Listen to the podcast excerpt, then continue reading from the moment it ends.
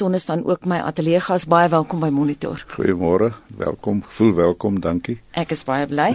Jy skryf uh, in jou boek en ek haal aan by die Oosterlig het ek my eerste voorsmaakie gekry toe ek die destydse minister van binnelandse sake Dr Eben Dunges vergesel het op 'n besoek aan Jansenwil. My redakteur het gereël dat ek saam in die uh, 11 vir die streek dis nou Andrius Vosloo se Dodge ry. En dan skryf jy so het pers en party destyds saamgewerk. Heelwat later is die term embedded journalism geskep, maar in die 50s en 60s het ons nie besef ons is ingebed nie. Ja, dit is natuurlik so die koerante, die Afrikaanse koerante van destyds was gekoppel meermale aan die nasionale party. Daar was nie selfstandige of onafhanklike Afrikaanse koerante nie. Hulle het almal 'n ideologie onderskryf en ministers het op die direksies gesit van die basies die twee groot persgroepe. Die Engelse pers het dit nie geken nie, hulle was die oppositie, maar hulle het natuurlik hulle eie party ondersteun. Dit was in daardie dae die Verenigde Party en toe die Progressiewe Federale Party. So albei het maar uh, kan ek maar sê they were embedded in 'n sekere sin, maar die Afrikaanse koerante was gestig soos byvoorbeeld die van Nasionale Pers in 1915 om 'n sekere politieke standpunt uit te dra. En dit is later wat die term embedded journalism gekom het. Maar ons was maar almal as jy dit nie ah, daaraan voldoen het nie, dan dan moet jy 'n ander werk gaan soek. Het. Toen jy beskryf die posisie van groot baas as geïsoleerd. En ek haal jou aan, ek het die jare gevind as leier is jy alleen. Jy het jou bondgenote en mede-kollegas in die topbestuur, maar die bal is in jou hande. Het jy ooit gedink ek kan dit nie meer doen nie? Nee, dit klink verwaand. jy het getwyfel baie keer, jy weet, oor besluite en jy moes dit goed deurdink en goed deurpraat en uh, inoefen byvoorbeeld voor jy in onderhoude gaan in in met die oog op nuwe sake geleenthede maar op die ou end uh moet jy die besluit neem jy moet die knoppie druk gaan ons voort of nie dis daar die alleenheid waarvan ek praat want op die ou end as daar probleme is dan kom die bal terug na jou toe jy kan dit nie ontduik nie Maar as jy gaan sit en twyfel, dan dink ek gaan die uh, die hele ding in duie stort. Jy skryf oor die totstandkoming van Mnet natuurlik en hm. Koos Becker se informele hm. styl. Hoe sou jy Ton Vosloo jou eie bestuurstyl beskryf vandag? Ek was baie informeel, oop deure. Ek het nooit geglo dat jy met agtergeslote deure jou werk doen nie uh koers het gekom met moderne innovasies soos die oop ruimte kantore met ander woorde geen hiërargiese situasie nie. En voornaamterme vir koers. Ja natuurlik, ek het ons die storie vertel. Hy's mos almal se koers. Koos sê sou, koos sê so. Maar die mense het my ook maar ton genoem, maar daar was baie meer meneer situasies. En ek het nooit my voorsitter van destyds voor ek voorsitter geword het Piet Celie, ek het hom nooit Piet genoem nie die gaping was net te groot. Dit was 'n ander situasie. En ek moet sê ek gee nou nie om net as informeel, maar ek hou nie daarvan as my telefoon lui en iemand bel my en sê hi Tony. Jy weet dan sit een of ander mm. vrou wat nou wil iets verkoop aan my. Mm, mm. Subskripsie vir dit. Ek het almal sê ek my I'm not your Ton. maar ek gee nie om nie. Ek weet dan dinge het verander absoluut met sosiale media ook. Ja. Ons gesels vanoggend met uh, Ton Vosloo oor sy boek oor grense, 'n lewe in die media in 'n tyd van verandering. Ek wil 'n bietjie praat oor die politiek. Hmm. Jy verwys na die onvermydelike van ingrypende politieke verandering wat jy reeds in 1981 verwoord het in 'n beeldrubriek wat internasionaal aandag getrek het. Ons praat selfs hierso van Nederland. Jou voorspelling was en ek haal aan. Die dag sal kom dat die Suid-Afrikaanse regering met die ANC om die tafel van onderhandeling gaan sit.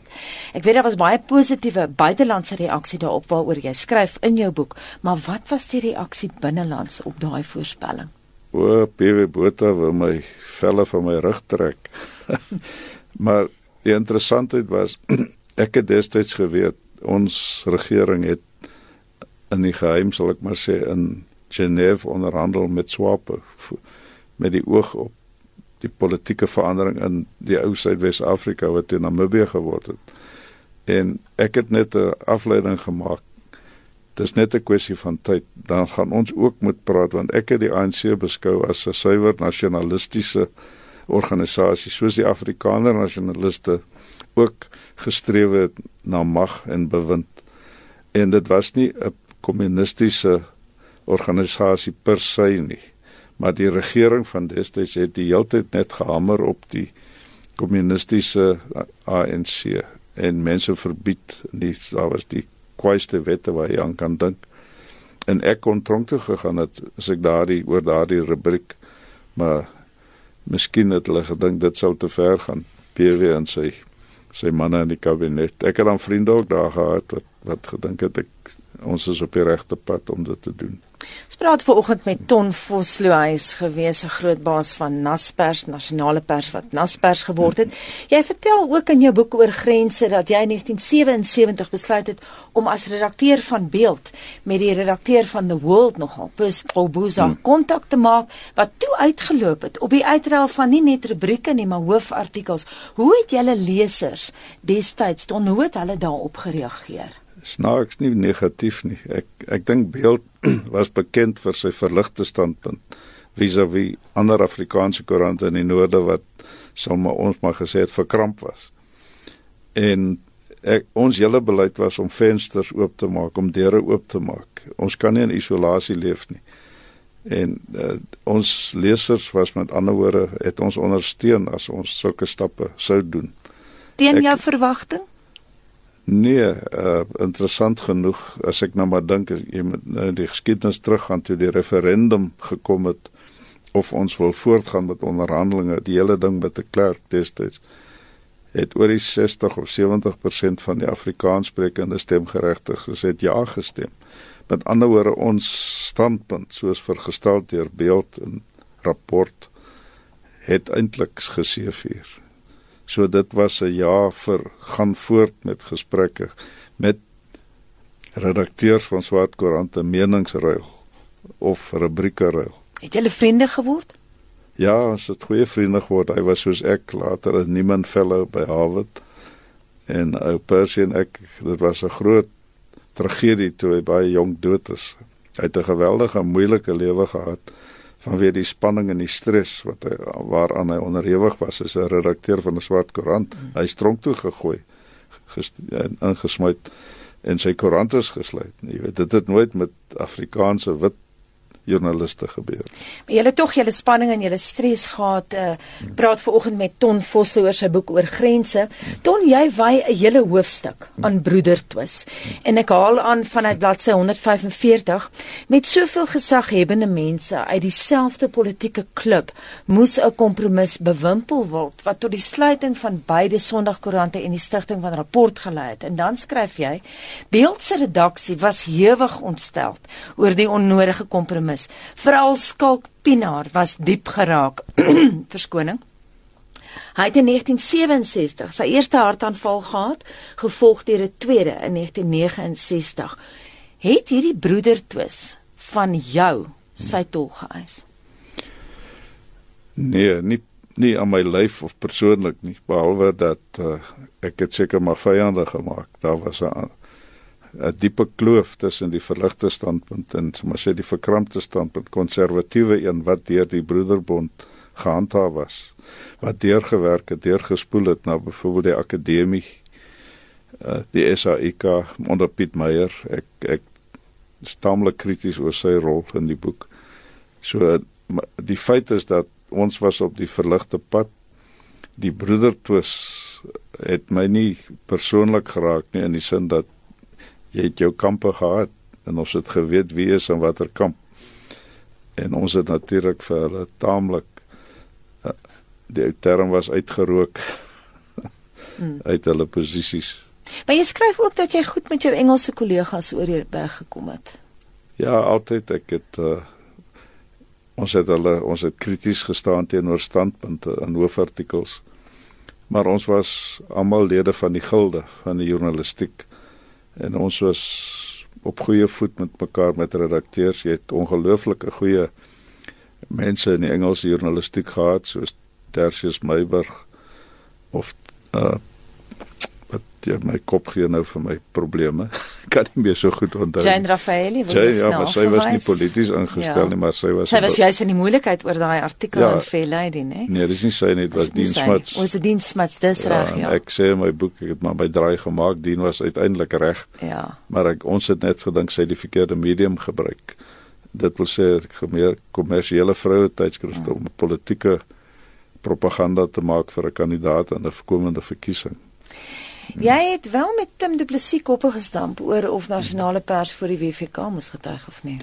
Nie net met Tim nie, maar ek dink is 127 joernaliste in ons groep het 'n petisie onderteken teen ons standpunt. Mm. Maar uh, ons was nie bereid om te gaan getuig nie want die voorskrif waaroor ons moes getuig was te eng gedefinieer. En uh, ons het net besluit in die tydperk wat hulle voorskryf, ons het geen behalwe om 'n politieke standpunt uit te dra, het ons ons nie skuldig gemaak aan wangedrag of misdadigheid nie. Maar hulle wou nie daar, hulle wou gehad het jy moet kom mea culpa, jy moet gaan bieg en ons het almal later gesê apartheid was 'n groot fout, 'n sonde. Uh maar destyds was ons nie bereid om ons verlede te verloon nie. Ek ek het 'n groot klem gelê op loyaliteit. Mm en ons het gevoel die jong klomp is natuurlik jonger.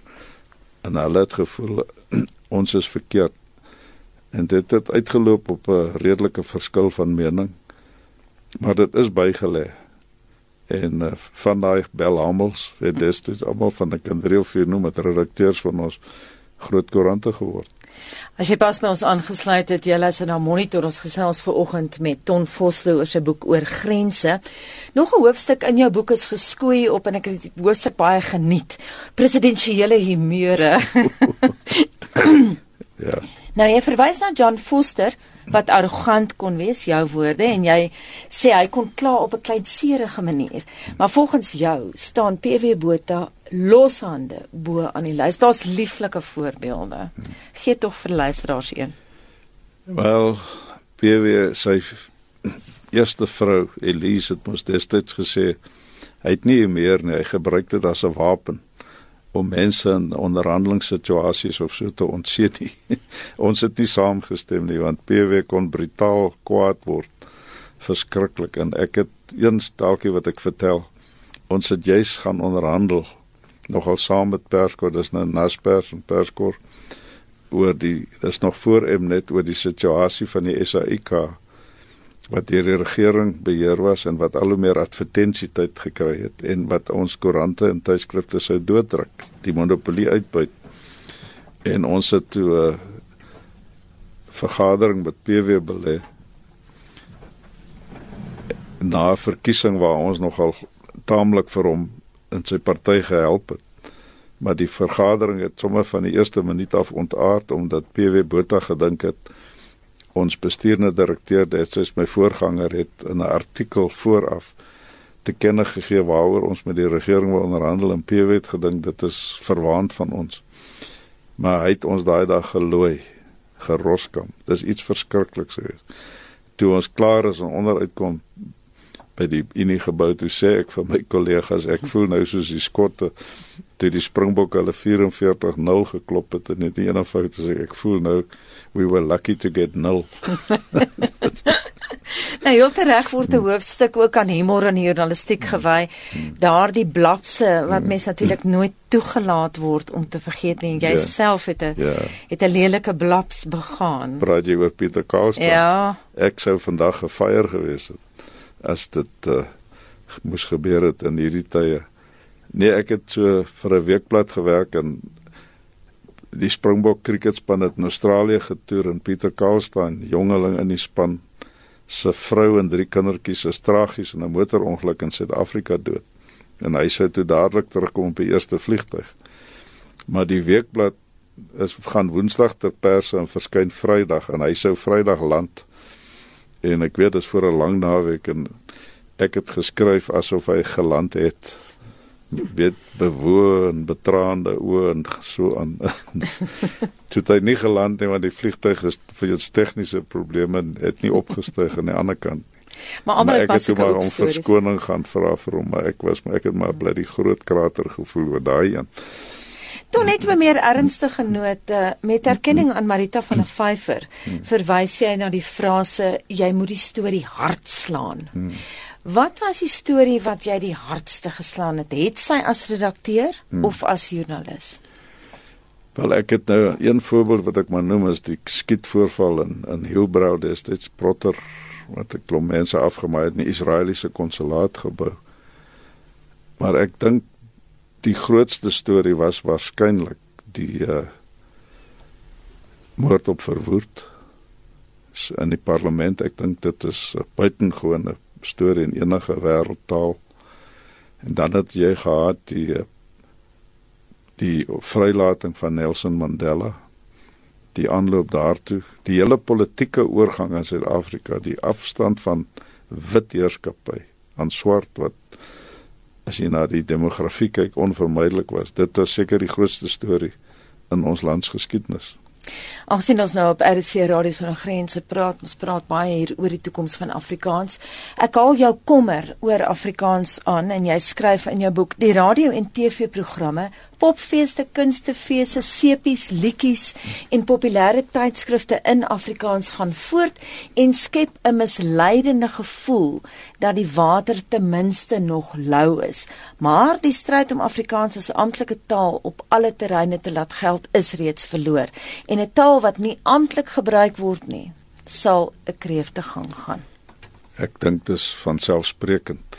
Vir my is dit die groot probleem. Ons is in die grondwet is Afrikaans gewaarborg, maar die regering handhaaf dit nie.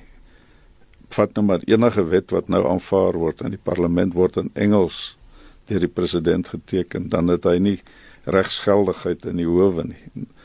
So die amptelikheid van Afrikaans wat uitgeskei word gaan mos nou lei tot nou skep mense beharde in dat ons het goeie feeste en dit gaan goed. Maar dit gaan op in die lewe nie daaroor nie. As 'n taal nie 'n amptelike status het nie, dan word hy uitgerangeer. Dan word hy later 'n patois. Nou hoe gaan ons dit hanteer? Ons sal moet veg hoor op, maar ek sê kom ons kolf saam met die ander minderheidstale. Daar is 9 of 10 van hulle. Hulle word ook uitgerangeer. En ons moet saam met hulle hande vat en sê gaan na die regering toe en sê eerbiedig die grondwet.